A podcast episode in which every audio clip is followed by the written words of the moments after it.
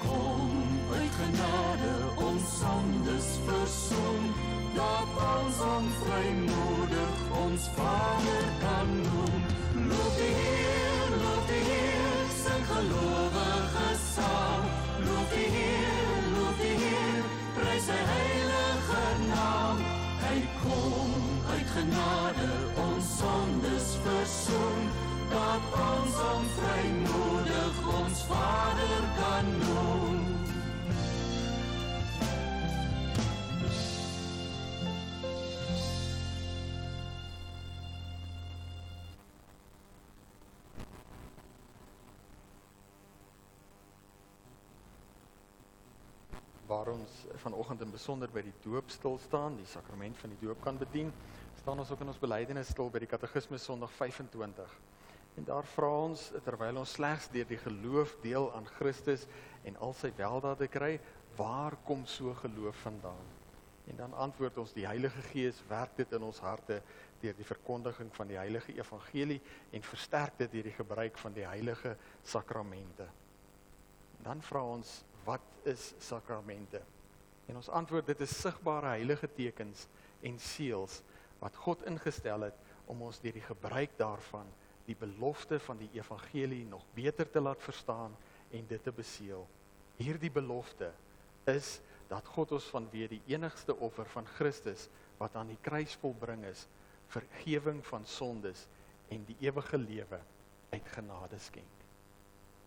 Dit is die troos waarmee ons as gelowiges mag lewe. En daarom ook die genade van die sakrament van die doop dat ons hierdie waarheid ter harte kan neem kom ons sê vir die Here dankie hiervoor. En ons gaan dit doen deur saam te sing van die lied Lofsing die Here.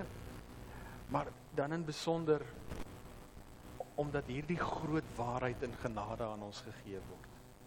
Paulus verduidelik in Filippense 1 daarvan vers 27 af tot by 2 vers 11 dat die die evangelie um bedien in woorde en uitgeleef in in ons alledaagse lewe een doel het En dit is uiteindelik om alles in hemel en aarde onder een hoof te vergader onder Christus sodat elke tong uiteindelik sal bely dat Christus die Here is tot eer van God die Vader.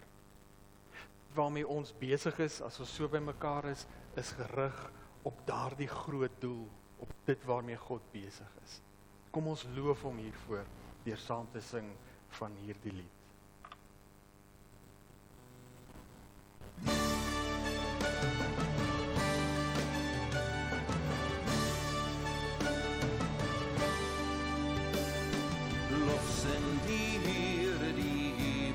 Sin tot sy ere. Lof sing die koning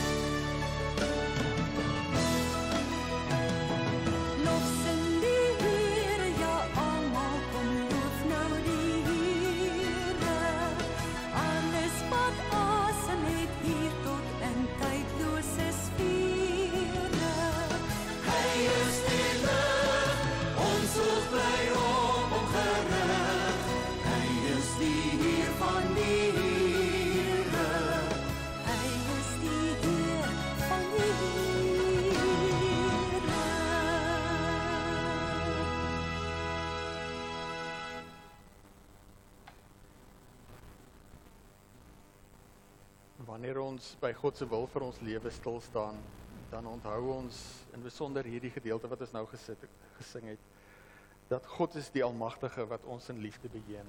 Ons sien die wonder hiervan net na die sondeval, as God nie die sonde, die straf op die sonde voltrek nie.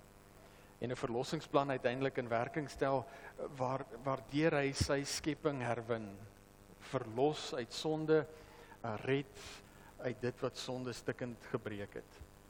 En op pad met daardie verlossingsplan lees ons in die Ou Testament hoe die Here vir Abraham roep en in besonder roep om saam met hom te werk aan hierdie verlossingsplan. En in Genesis 18 hoor ons dan as die Here sê Abraham sal tot 'n groot en sterk nasie word en in hom sal al die nasies van die aarde geseën word. Ek het hom gekies dat hy sy kinders en sy nageslag kan beveel om op my pad te bly deur te doen wat goed en reg is sodat ek vir Abraham kan doen wat ek hom beloof het. En op pad met daardie verlossingsplan het die Here dan uiteindelik by uh, Horeb vir Israel, die nageslag van Israel van Abraham verduidelik wat dit beteken, wat is goed en reg. En langs daardie pad het die Here sy volk gevat totdat Jesus Christus uiteindelik gebore is. En die seën wat God aan Abraham beloof het, die seën vir al die nasies word in Christus sigbaar. Hy sterf in ons plek en hy staan op as lewende ewige koning. En dan voor hy opvaar om aan God se regterhand te gaan sit, gee hy as wettige koning vir ons hierdie opdrag. En ons luister daarna uit Matteus 28. Jesus kom toe nader en sê vir hulle vir sy disippels: "Aan my is alle mag gegee in die hemel en op die aarde. Gaan dan na al die nasies toe en maak die mense my disippels. Doop hulle in die naam van die Vader en die Seun en die Heilige Gees en leer hulle om alles te onderhou wat ek julle beveel het. En onthou, ek is by julle al die dae tot die volëinding van die wêreld. Hiertoe roep Christus ons ook vandag. En ons kan hier saam wees as gelowiges omdat gelowiges oor baie eeue gehoorsaam was aan hierdie oproep. Getrou gebly het en die evangelie gedeel het met die mense rondom hulle. En daarom moet ons ook erns maak met God se roeping om vandag sout en lig te wees, om vandag die getuies te wees wat sy evangelie uitdra na die wêreld om ons. Kom ons bid die Here hierin om ons genadig te wees, om ons toe te rus hiervoor en ons doen dit deur saam te sing van helder skyn die lig vir die nasies en daarna bid ons saam.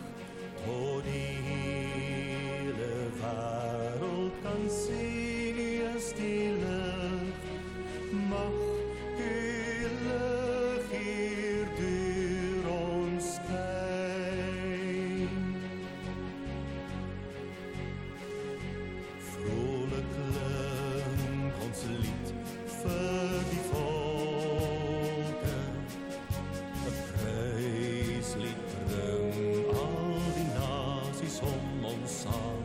Tot die hele wêreld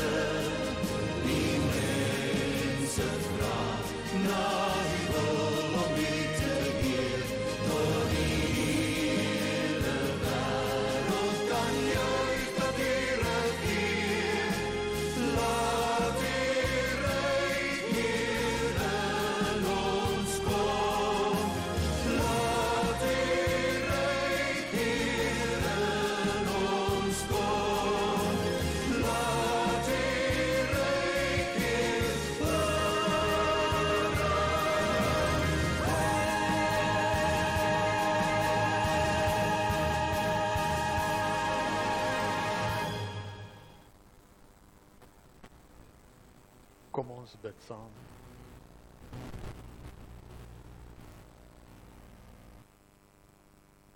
Vader, wanneer ons voor U rustig word, dan is dit bewus van die stikkend in die seer in die wêreld rondom ons. Bewus van 'n stikkende land, 'n donker land waar dinge in ons tyd baie skeef loop.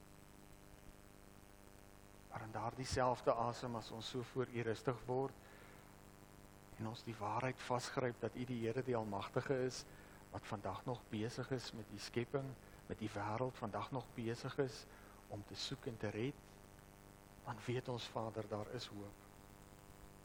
En waar U ons roep om as gemeenskap van gelowiges naby U te leef en saam met U te werk op so 'n manier dat die wêreld iets mag sien van U lig. Pleit ons in hierdie oomblikke dat U ons ons harte sal aanraak, dat U ons sensitief sal maak vir die leiding van die Gees. Dat ons die woord mag hoor en dat ons daarin versterk mag word toegerus mag word vir elke goeie diens waartoe U ons roep. Ons kom in ons saamwees en ons pleit vir ons land. Ons pleit vir die regerders in ons land, mense wat U aangestel het en ons pleit Vader, wil U harte nuut maak. Wil U deur die Gees 'n inkeer bring in dooie harte sodat ook die owerhede wat U oor ons beskik het mag regeer volgens U wil. Maar ons kom bid na alles Vader vir die kerk in Suid-Afrika. En ons pleit Vader dat U ons harte sal oopbreek vir U, dat ons U hartklop mag hoor en mag voel, U hartklop vir die nasies. En dat ons daarin die geleentheid mag raak sien in ons eie wêreld, in ons eie stukkie van die wêreld wat U aan ons toevertrou het om saam met U te werk. En waar ons vanoggend in besonder die voorreg het om die sakrament van die doop aan Bertus te bedien, dan gryp ons vas aan die mooi waarheid dat U nog nie opgegee het met U skepping nie. U beskik 'n volgende geslag om saam met U te werk. En daarom pleit ons Vader, wil U vir ons hierin sterk maak dat ons in ons alledaagse lewe saam met U sal werk in dit waarmee U besig is. Ons bid dit Vader in Jesus se naam. Amen.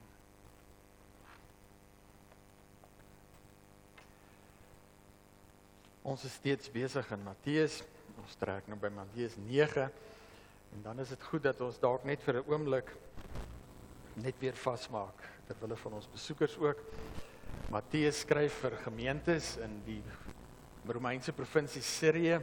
Antiochië was die hoofstad van daardie provinsie en en daardie gemeentes het begin stoei met 'n baie geldige vraag na hoe die onderhouding van die wet en hulle tradisies uitgekom het of Christus die uitreik na die heidene ontmoet het.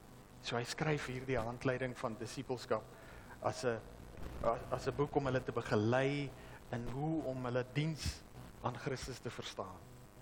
En wanneer hy begin, dan begin Matteus deur baie duidelik te maak dat Jesus kom as die wettige koning wat in die Ou Testament beloof is. Hy kom as Immanuel, God by ons. En dan maak Matteus baie duidelik in daardie eerste twee hoofstukke dat Jesus kom om sondaars te verlos.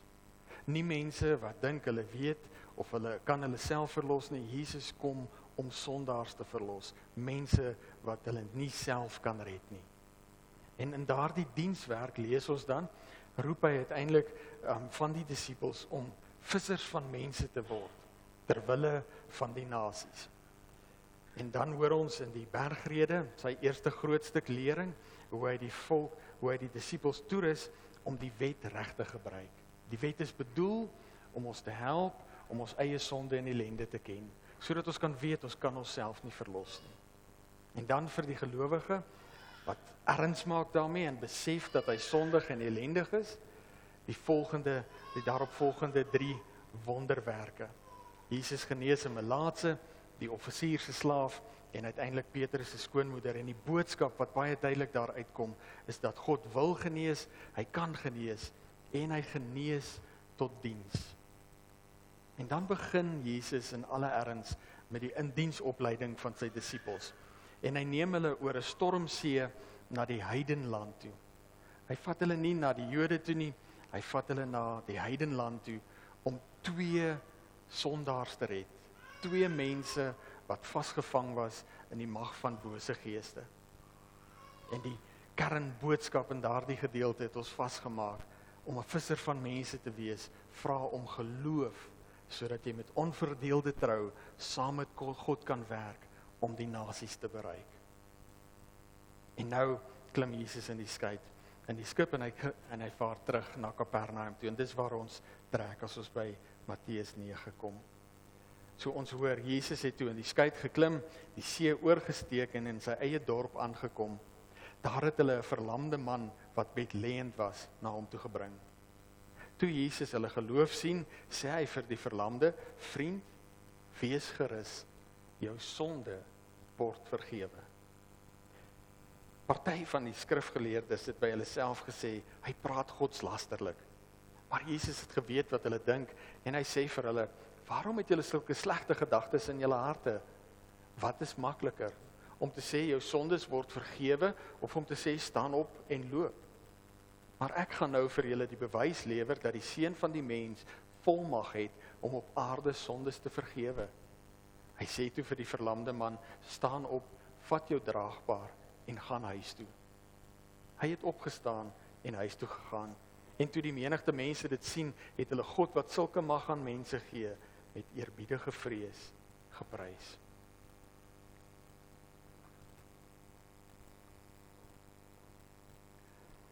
Om om hierdie gedeelte regtig mooi te verstaan, moet ons onthou wat Matteus in die eerste hoofstuk geskryf het oor Jesus.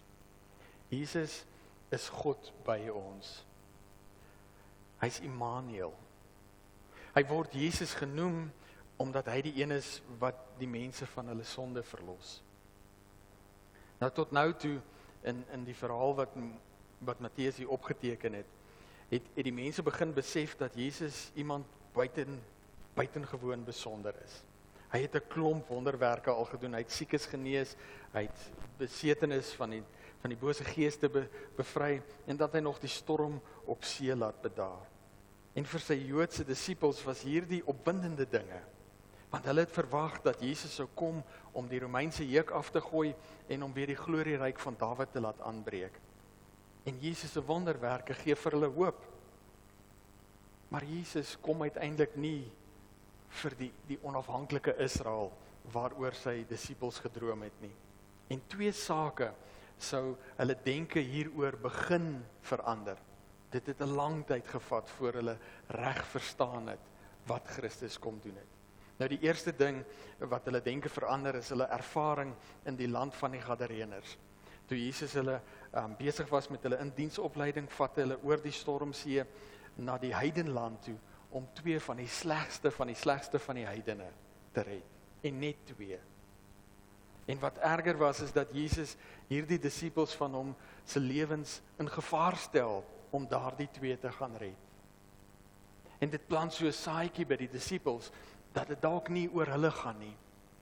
Dat Christus iets anders in gedagte het wanneer hy na die aarde toe kom. Die tweede geleentheid wat hulle denker hieroor begin verander is wanneer Jesus in hierdie gedeelte uiteindelik die doel van sy sending aankondig en duidelik maak. Jesus, God met ons, is hier om sondaars se sonde te vergewe. Jesus het nie gekom om 'n nuwe politieke party te vestig nie, maar om sondaars te vergewe. Nadat hy moes sterf om dit te doen, maak hy eers later vir hulle duidelik. Ons begin daarvan lees in Matteus 16. En dit ontstel die disippels verskriklik omdat hulle nog steeds verwag het en daardie tyd nog verwag het dat Jesus gekom het om 'n politieke bestel te vestig. Maar vir nou maak Jesus een baie belangrike saak vas. As seun van die mens het hy volmag ontvang om sondes op aarde te vergewe. Nou hieroor was die skrifgeleerdes ontstel omdat hulle gemeen het dat net God kan sondes vergewe en hulle was reg. Jesus het in hierdie gesprek te kenne gegee en saam met daardie wonderwerk gewys wie hy regtig is en wat hy kom doen het. Hy is God by ons wat sondes vergewe. Nou hier is dit weer belangrik om om om te onthou van God se groter prentjie vir ons lewe in sy wêreld. Daardie groot hoofstukke wat wat die Bybel indeel um in die skepingsverhaal, die sondeval, die herskepping en uiteindelik tot by die volëinding. Wanneer God aan die begin die mens maak volgens sy beeld om as sy verteenwoordigers geborge in 'n innige verhouding naby hom te leef en saam met hom te werk, dan dan is dit regtig goed. Maar die mens word besonders gemaak na die beeld van God, die kroon van God se skepping om naby hom te kan leef, om in gemeenskap met hom te kan leef en daarin ook uiteindelik saam met hom te kan werk. Dit was God se doel. Dis hoekom God die mens gemaak het. Maar die sondeval, ons opstand teen God, breek daardie innige verhouding met God stukkend. En vasgevang in 'n sonde dood, het die mens by 'n plek gekom waar hulle God sy wese en sy wil, wie hy is en en wat hy wil hê, nie meer reg kon ken nie. En daarom begin die mens om van die skepping hierdie donker stikkende plek te maak. Ons verniel die skepping en ons verniel mekaar. Maar God is genadig. En hy beloof 'n verlosser, hy stel 'n verlossingsplan in werking en hy openbaar homself weer aan die mens. Hy wil hê ons moet hom kan ken. Nou in daardie openbaring is die skepingsopenbaring steeds geldig. God openbaar iets van homself in die skepping en Paulus skryf daaroor in Romeine 1. Maar vanweer die sondeval verstaan die mens dit heeltemal verkeerd. En die mens kies eerder om dinge in die skepping te verafgod. En hulle maak van dinge in die skepping uiteindelik wrede afgode. En daarom openbaar God homself weer in besonder aan Abraham. Hy stap 'n pad saam met hom, hy roep vir Israel en in die skrifte vind ons dan ook 'n openbaring van God se wese en wil.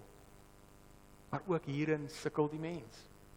Israel sukkel. Hulle sien God meer kere eerder as 'n wredeharde God. En meeste van die tyd werp hulle hulle lot saam met die afgode van hulle tyd. En steeds gee God nie op nie. Omdat daardie belofte wat hy in die tuin van Eden gemaak het na die sondeval vir hom geldig bly. God se liefde en genade word uiteindelik die mooiste uitgedruk wanneer hy mens word en tussen ons kom woon. Immanuel, God by ons. En dis vir ons iets wat ons nie in ons koppe kan uitwerk nie. Hoe kan God mens word en tussen ons kom woon? Maar dis ons belydenis want dis wat die woord ons leer. En dan wanneer hy kom en dit is die aangrypende van die evangelie, wanneer God mens word, is dit nie om te veroordeel nie. Maar om ons te soek en te red. Om by mekaar te maak wat verlore is. Nou Jesus is die wettige koning, die verlosser van sondaars wat kom om sondes te vergewe. Hy is die seun van God en terselfdertyd die seun van die mens. Nou hierdie uitdrukking, die seun van die mens gekoppel aan die uitspraak dat hy die volmag het om sondes te vergewe, is uiteindelik wat die skrifgeleerdes ontstel het. In daardie tyd in die antieke wêreld was daar baie leiers en digters wat mense uh, gode seuns genoem het of seuns van die gode. Dit was nie 'n vreemde uitdrukking gewees nie. Die uitdrukking het vir hulle gewys op die die verhewenheid van die mens of of die die die uitsonderlike uh vermoëns van 'n leier. Die titel seun van die mens was egter in die Joodse gemeenskap iets heeltemal anders. Dit het 'n baie diep betekenis vir die Jode gehad. En dit kom uit Daniël 7 uit. Wanneer Daniël in Babel is, dan sien hy by geleentheid 'n klomp naggesigte, 'n klomp drome, drome wat hom uiteindelik ontstel het, drome oor dit wat in die toekoms moet gebeur. En in Daniël 7 hoor ons en ons luister na die ou vertaling dat, dat Daniël sê ek het gesien in die naggesigte en kyk met die wolke van die hemel het een gekom soos die seun van 'n mens en hy het gekom by die oue van dae en hulle het hom nader gebring voor hom en aan hom is gegee heerskappy en eer en koningskap en al die volke en nasies en tale het hom vereer sy heerskappy is 'n ewige heerskappy wat nie sal vergaan nie en sy koninkryk een wat nie vernietig sal word nie. Daarin die Jode se verstaan van wie die seun van die mens is, dat dit uiteindelik God is. Nou Jesus is die een wat die Ou Testament beloof beloof het, die een wat sy volk weer sal vergader, wat die volk se sondes sal wegneem. Maar wat in die profete verder duidelik gemaak word, is dat Jesus kom vir die nasies. Hy kom vir die verlore kinders van God uit elke nasie, stam, volk en taal. En hier in Matteus 9 waar Jesus besig is om sy disippels toe te rus om vissers van mense te wees, was hierdie gesprek baie belangrik. Hy kom nie net vir die Jode nie. Hy kom kom nie om 'n politieke mag of 'n politieke bestel te vestig nie. Hy kom vir die heidene vir die ongelowiges, vir die wat verlore is. Vir Jode sowel as heidene. Hy kom om sondes te vergewe. Nou hier in hierdie gesprek en wonderwerk word word die lering wat Jesus in die bergrede gegee het om die wet reg te gebruik en jou sonde en ellende te ken en die tekens wat daarop gevolg het bymekaar gebring, die wonderwerke wat daarna gevolg het. En Christus maak hierin duidelik dat hy wil ons van ons sonde verlos. Hy kan ons van ons sondes verlos en hy verlos ons tot diens. Nou ons verstaan ook dat hierdie evangelie die eerste keer geskryf is aan 'n besondere groep gemeentes. Dit het 'n spesifieke adres gehad en Matteus herinner hierdie eerste eerste gemeentes aan iets baie belangriks. Jesus het gekom om sy volk van hulle sondes te verlos, maar nie net die Jode nie, al die kinders van God. Vir die eerste gemeente in Sirië het hierdie evangelie uiteindelik baie harde vrae gevra. Hulle moes hulle self verantwoord rondom waar hulle staan in hulle verhouding met die Here. Nou wanneer Jesus sy disippels op die stormsee vat en hulle bang word en Jesus dan nog slaap, maak hulle hom wakker en sê Here red ons. En dan sê die Here vir hulle: "Waar is julle geloof? Hoekom is julle klein gelowig?" Nou die eerste gemeentes het daardie storm op see verstaan. Hulle het die simboliek daarvan verstaan. Hulle is as Joodse gelowiges uit die sinagoges verban omdat die Romeinse owerhede ongunstig na die Christene begin kyk het. En die Joodse raad wou niks met die Christene te doen hê nie. En daarom het hulle die Jode wat Jesus as verlosser aanvaar het, verban uit die sinagoges. En dit was vir hulle baie erg. Omdat vir 'n Jood die sinagoge die die som van sy identiteit as kind van God of as volk van God was. Die werklikheid dat hulle deel was van die sinagoge, van daai gemeenskap het vir hulle gesê ek is deel van God se volk. Maar dit was ook baie prakties. Hulle was omdat hulle vanuit die sinagoge verban is, was hulle uitgesluit van die netwerk van ekonomiese en sosiale ondersteuning wat deel was van daardie gemeenskap in die sinagoge. So hulle was ontredderd geweest. En dan was daar nog in die gemeentes spanning geweest want hulle het vasgeval in hierdie geldige vraag na hoe die onderhouding van die wet en die tradisies die uitreik na die heidene mekaar ontmoet in Christus. Daar was verdeeldheid in die geloofsgemeenskap. So hierdie gemeentes het die storm van onseker tye en moeilike omstandighede geken en dit het gemaak dat hulle vasgevall het in 'n gesprek oor die wet en tradisies. Dat hulle vasgevall het in iets veiligs. En die harde vraag wat Matteus vir hulle vra is hoekom is julle klein gelowig? Waar is julle geloof? En die gemeente word hierin herinner aan hoekom Jesus gekom het om sondaars te verlos tot diens. Vissers van mense is verloste sondaars wat weet dat verlossing alleen deur Jesus Christus kom en daarom neem hulle ander na hom toe. En hierdie waarheid word dan grypend uitgebeeld in die optrede van die verlamde man se vier vriende. Hulle het geglo dat Jesus hulle vriend kan genees en daarom doen hulle moeite. Hulle dra hom na Jesus toe en as hulle nie by Jesus kan uitkom nie, dan klim hulle op die dak, maak 'n gat en hulle laat sak hom vlak by Jesus. En dan hoor ons hierdie aangrypende woorde.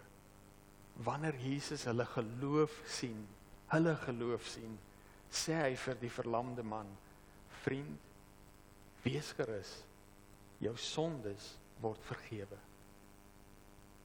Dis 'n aangrypende stelling. Dat Christus op grond van dit wat hierdie vriende van hom gedoen het, op grond van hulle oortuiging dat hy kan red, hierdie man se sondes vergewe. Op grond van die oortuiging dat alleen Christus red en help. Is daar genoeg glo, geloof om gered te word? Vissers van mense. En dit is die harde boodskap wat die eerste gemeentes ter harte moes neem.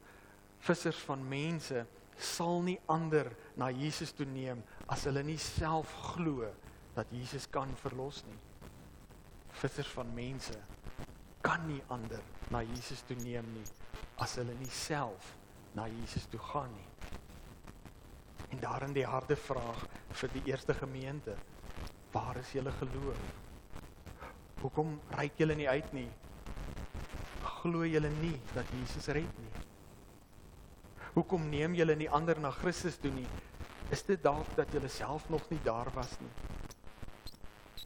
Nou hierdie vraag is regtig hard, maar dit is nie ongeldig nie. Paulus skryf vir ons in 2 Korintiërs dat die liefde van Christus dring ons omdat ons tot die besef gekom het dat een vir almal gesterf het. God het die wêreld in Christus met homself versoen. En die bediening van daardie versoening is aan die gelowiges, aan die gemeentes toevertrou. Daarom is hierdie geldige vraag. Nou ons leer in Handelinge dat die eerste gemeente hierdie evangelie ter harte geneem het. Hulle is die gemeente wat in Handelinge 15 afgevaardig is na Jerusalem toe stuur om die saak oor die onderhouding van die wet by te lê. Hulle is die gemeente wat eerste vrywillig sendelinge uitstuur om die heidene te bereik. Hulle toewyding aan Christus was van so 'n aard dat gelowiges in Antiochië die eerste keer Christene genoem is. En dis die wonder van God se genade waarbinne ons kan leef. Ons kan vanoggend hier sit omdat baie gelowiges oor baie eeue geglo het dat Jesus alleen kan verlos. Hulle het dit nie net geglo nie, hulle het ook ander na hom toe geneem. En daarom kan ons vanoggend vasmaak dat die ketting van disippelskap loop op een of ander manier van ons af terug deur die eeue tot op daardie berg waar Jesus die opdrag gee om disippels van al die nasies te gaan maak. Nou een van die maniere waarop die Here verseker dat die evangelie boodskap behoue bly, waarop hy sy kinders vergader, was om aan sy kinders kinders te gee met die oog op sy verlossingsplan oor baie eeue heen. En soos met die verbond in die Ou Testament waar die Here vir Abraham roep om sy kinders te leer om hom te ken en te dien, so ook in die Nuwe Testament. Die Here gee aan sy kinders kinders met die oog op sy verlossingsplan oor baie eeue heen. En daarom is die doop 'n baie besonderse sakrament. As teken en 'n seël bevestig dit die waarheid dat Jesus ons deur sy kruisdood skoon was van sonde, net so seker as wat water ons skoon was deur Jesus se kruisdood skoon gewas van sonde trek God ons Vader ons nader om geborge in 'n innige verhouding naby hom te leef en saam met hom te werk. Dis die nuwe verbond in Christus. Maar wanneer ons die doop aan 'n kleintjie bedien, is daar ook 'n diep simboliek. 'n Diep simboliek daarin dat God nie opgegee het met sy skepping nie. Sy verlossingsplan gaan voort. Dit gaan aan en daarom gee hy kinders aan sy kinders. Hy vertrou sy klein kinders aan ons as ouers toe sodat ons hulle kan so ons sodat ons hulle kan leer om hom te ken en hom te dien. Nou dit beteken nie dat ons kinders wanneer ons hulle bring om gedoop te word hierdie dinge verstaan nie of dat hulle glo nie. Hulle doen nie. Maar ons doen. Ons as ouers doen. En omdat ons God ken as liefdevolle hemelse Vader, waarom bring ons ons kinders om gedoop te word? Want hulle is ook sy kinders. Nou hier is dit belangrik om te onthou dat die doop nie towerkrag het nie. Dit is net 'n teken en 'n seël wat bevestig wat God in Christus gedoen het. Die doop verseker nie dat ons kinders se lewens goed gaan uitdraai nie. Hulle word soos ons in sonde ontvang en gebore. Baie mense wat gedoop is, gaan deur die wye poort waarvan Jesus in Matteus 7 praat. Hulle loop op die breë weg van vertroue op eie prestasie en besit om verlossing te probeer verwerk. En hulle doen so onsuksesvol. Uiteindelik kan niemand na die Vader toe kom behalwe deur Christus nie. Net hy het die volmag om sondes te vergewe en hy doen dit deur in ons plek te sterf vir ons sondes. En hier in God se genade, as ons dit glo, word ons deur die verzoening wat Christus bewerk het, herstel in ons verhouding met God en daarin ook herstel tot ons oorspronklike skepingsdoel om naby God te leef en saam met hom te werk. Ons word verlos tot diens. Maar ons kinders verstaan hierdie dinge nog nie. Hulle is by wyse van spreuke soos die verlamde man. Hulle kan nie op hulle eie by Christus uitkom nie. En dis waar ook van klein Bertus.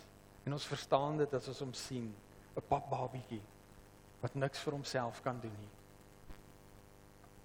Daarom die doopbelofte wat ouers aflê. Omdat ouers glo dat verlossing alleen by Christus gevind word, dra hulle hulle kinders na Jesus toe. Nie net een keer as ons ons kinders bring om gedoop te word nie, want dan verstaan ons die doop verkeerd. Die doop is net 'n teken en 'n seël. Nee, ouers dra hulle kinders na Jesus toe elke dag van hulle lewe deur self na Jesus toe te gaan. Dit wil sê deur ons lewe, deur ons voorbeeld, deur dit wat ons doen en sê. En daarom sê Paulus vir ons in in Efesiërs 6, maak julle kinders groot met tug en vermaaning.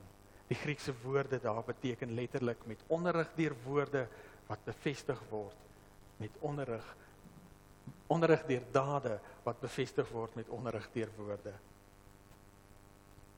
Uiteindelik dra ouers hulle kinders na Jesus toe deur navolgers van Jesus te wees. Dit is een van die moeilikste dinge. En as 'n pa met tieners wat begin sien hoe my kinders se vlerke begin sprei, is dit regtig 'n moeilike ding. As jy begin wonder waar gaan hulle pad eindig. As jy sien die dinge wat hulle reg doen wat jou opgewonde maak, maar as jy ook die dinge sien wat hulle nie reg doen nie, wat jou bang maak. En dan kom daar hierdie harde waarheid tot ons elkeen dat nie een van ons enige iemand anders kan red nie nie 'n vreemdeling nie en ook nie ons eie kinders nie. Ons is daar uitgelewer aan die genade van 'n liefdevolle God. Ons kan niemand red nie. Al wat ons kan doen is om vir iemand te wys waar redding te vind is. En daarom hierdie oproep tot ons as ouers.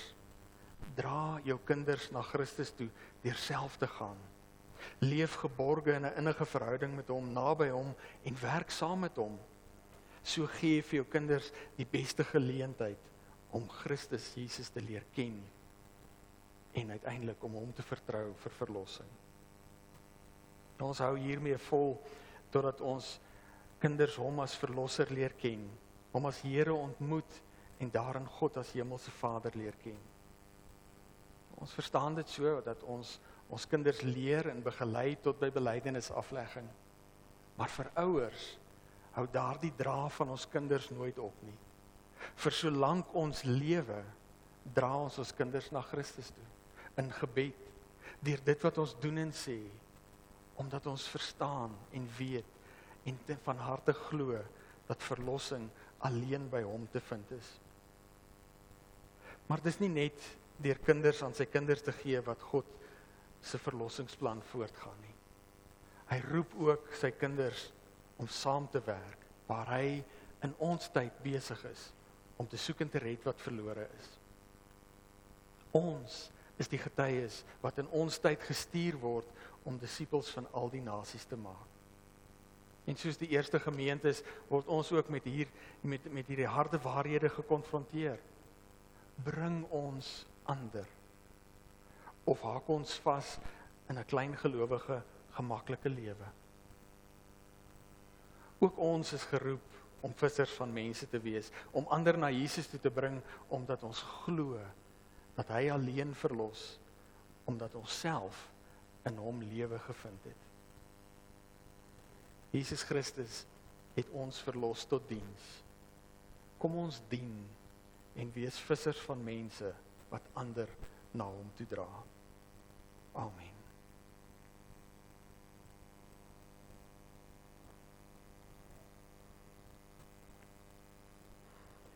Is daar enige vrae oor dit waarby ons vanoggend stil gestaan het? Gaaf. Ons gaan dan nou oor om die doop te bedien, maar ons wil eers net welkom sê, amptelik welkom sê vir Albert en Madeleine en en vir Tarina en vir Mart Marie en vir Bertus. Hulle skakel nou so bietjie meer as 8 maande hier by ons in, né? 9 maande. 6 7. Ja. Albert was 'n bietjie vroeër hierso en Marlene het later gekom en toe het die lockdown ons gevang. So ons ons wil vir julle as gesin hier by hierdie geleentheid baie welkom sê hier by ons. Dis ons getuienis en ons belydenis dat Christus vir elke gemeente ge- die gawes gee wat daardie gemeente nodig het om as liggaam van Christus in hierdie wêreld te funksioneer. Om om lig en sout vir die wêreld te wees. En waar Christus julle hier inplant, wil ons vir julle baie welkom sê en dis ons hartsbede dat julle regtig die seën mag beleef God bedoel het julle moet beleef in julle saamleef en saam groei na Christus toe in julle tyd saam met ons hier. Albert en Madeleine het um soos ons gebruik is gekyk ook na ons gemeente se visie en missie en hulle het ook uh, hulle getuienis hier rondom vasgemaak en Albert sê hy is oortuig dat Christus hom hier ingeplant het om as deel van die gemeente sy roeping uit te leef in in die opbou van die gemeente om as 'n lewende lid van die gemeente hier te wees en positief te bou aan God um, aan die aan die koninkryk aan die aan die liggaam van Christus en om God daarin te verheerlik. En dan maak hy ook vas dat Christus hom hier inplant om deur sy manier van lewe, die sekerheid en dankbaarheid wat hy het, dit uit te straal sodat anders kan sien dat God hom hier ingeplant het en dat hulle daardeur versterk kan word. En om daarin dan en dan uiteindelik sy gawes en talente te gebruik vir die opbou van die gemeente. Op het baie sterkte daarmee mag jy vir jou 'n tuiste vind in die liggaam van Christus ook hier. Madeleine het getuig en gesê sy is ingeplant, Christus het dan geplant en sy het daarmee 'n rustigheid en sy onderneem om deel te neem aan ons gemeenteprojekte wanneer die tyd geleë is ook. Ja, want dit is baie moeilik met 'n kleintjie, veral hier op die Hoëveld en veral in die winter en ons het regtig begrip daarvoor. En dan maak sy ook vas dat wanneer die tyd reg is, sy graag sou wil help met katekisasie omdat sy 'n passie het vir kinders. Madeleine baie sterkte ook daarmee. Mag die Here jou seën daarin. Madeleine is 'n onderwyseres. En vir die van ons wat so 'n bietjie erns maak met dit wat in ons wêreld gebeur, behoort dit al duidelik te geword het dat die voorfront van sending in ons wêreld die las van daardie werk gaan op ons onderwysers se skouers val. Dit begin alreeds. Waar ek nou in Bethel is, werk ek al kry ek te doen met mense wat derde en en vierde geslag kerk los is. Oupa het nog kerk toe gegaan. Pa en ma is dalk gedoop, maar die kinders glad nie. En dit beteken dis in ons skole waar ons 'n groot rol gaan moet speel, gelowige onderwysers om iets van die evangelie te deel. Maar dit lê ook 'n verantwoordelikheid op ons as geloofsgemeenskap om erns te maak met die toerusting van ons kinders, om hulle paraat te maak om in hierdie wêreld as kinders van die Here te leef. Daarom baie sterkte. Mag julle iets hiervan beleef en ervaar in julle saamleef met die gemeente hier.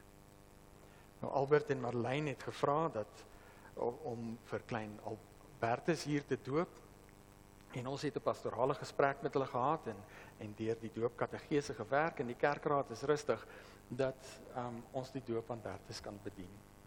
Um, ons het ook getuienis gevra ter wille van die gelyke sorg dat wat ons vir mekaar dra en daar het geen wettige beswaar ingekom en daarom gaan ons dan nou oorgaan om die doop te bedien. Daarom gaan ek vir vir Albert en vir Marlene vra, julle kan die die dogters ook saambring. Dit maak nie saak nie. Dit is 'n familie-aangeleentheid en dan gaan ons oorgaan na die doop.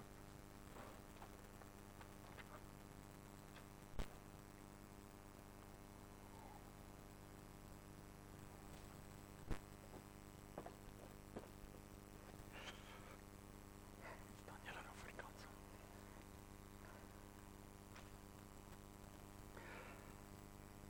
Albert en Madeleine, julle het gevra dat Bertus hier in in en voor die gemeente waarvan julle deel, deel is gedoop word. Nou julle weet dat die Here die doop ingestel het om ons en ons kinders sy verbond te verseël. Hy roep ons tot 'n innige verhouding met hom.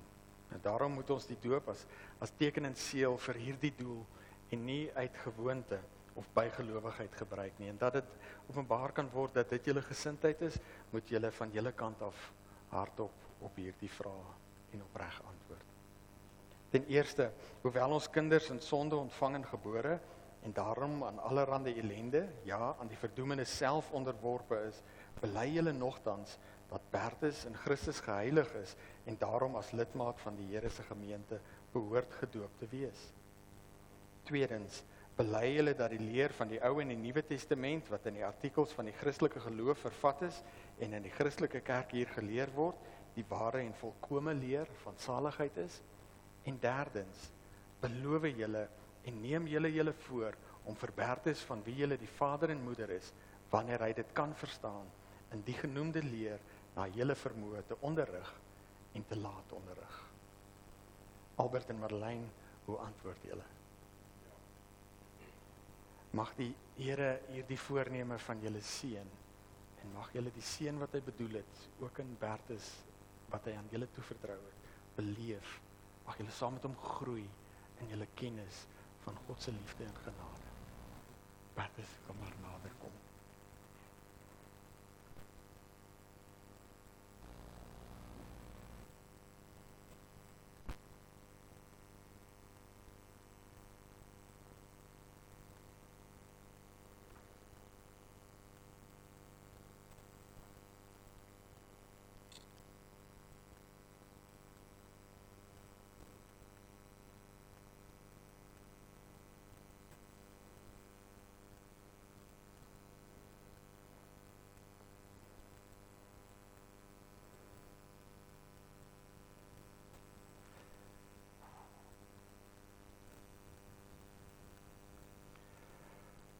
Bertus Johannes Boneskans. Ek doop jou in die naam van die Vader en die Seun en die Heilige Gees.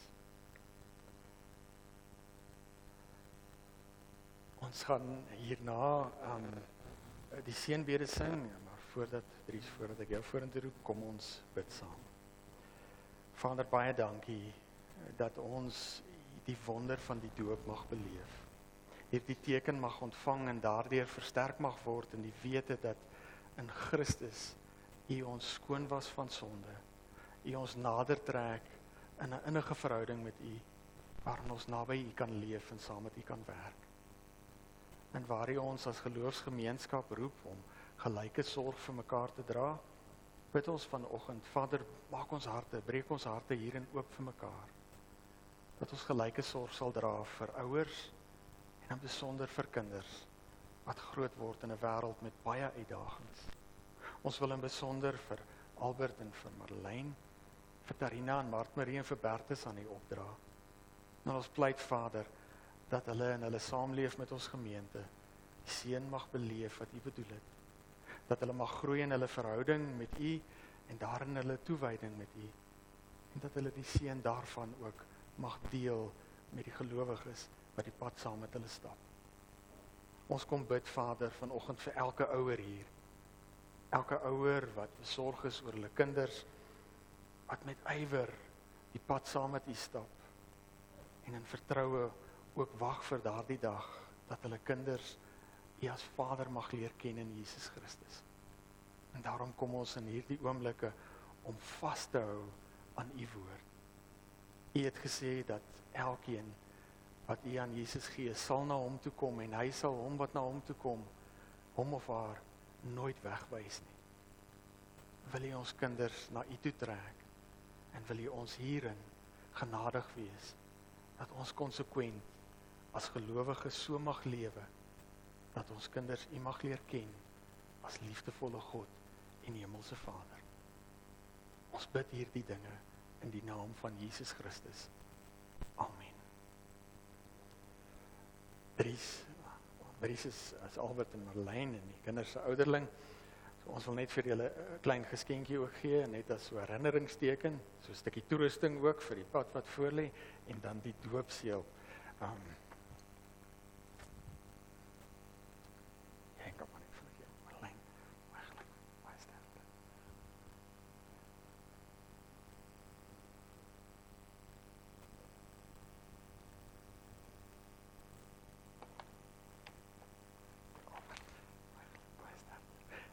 kan gaan sit.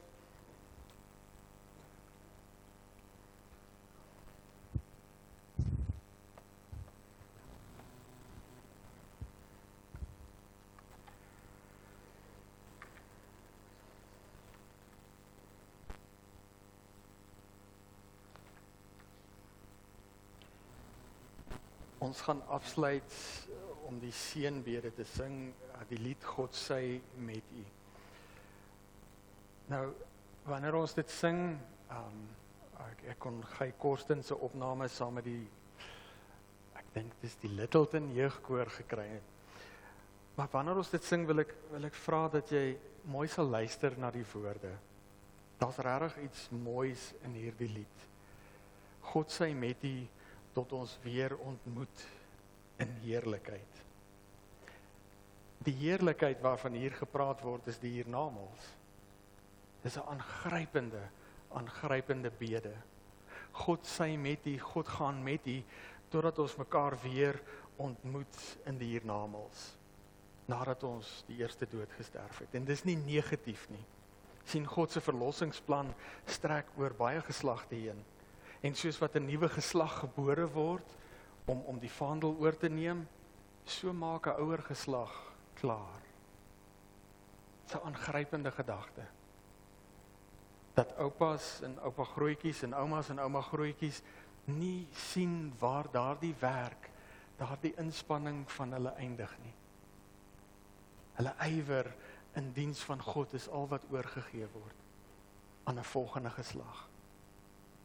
Maar uiteindelik leef ons met hierdie sekerheid van 'n opstanding uit die dood en 'n weersien in die hiernamaals. So kom ons staan en ons sing hierdie seënbede vir mekaar en daarna bly ons staan om die seën van die Here te ontvang.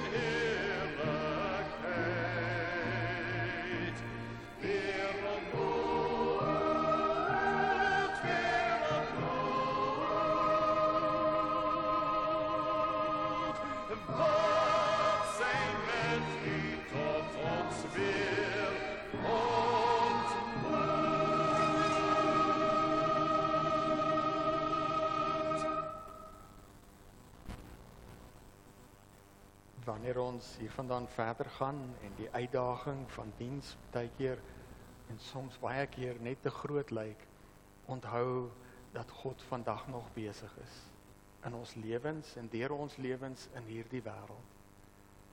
Neem dan ter harte die seën van die Here waarmee hy ons ook begiftig toerus om saam met hom te kan leef en werk.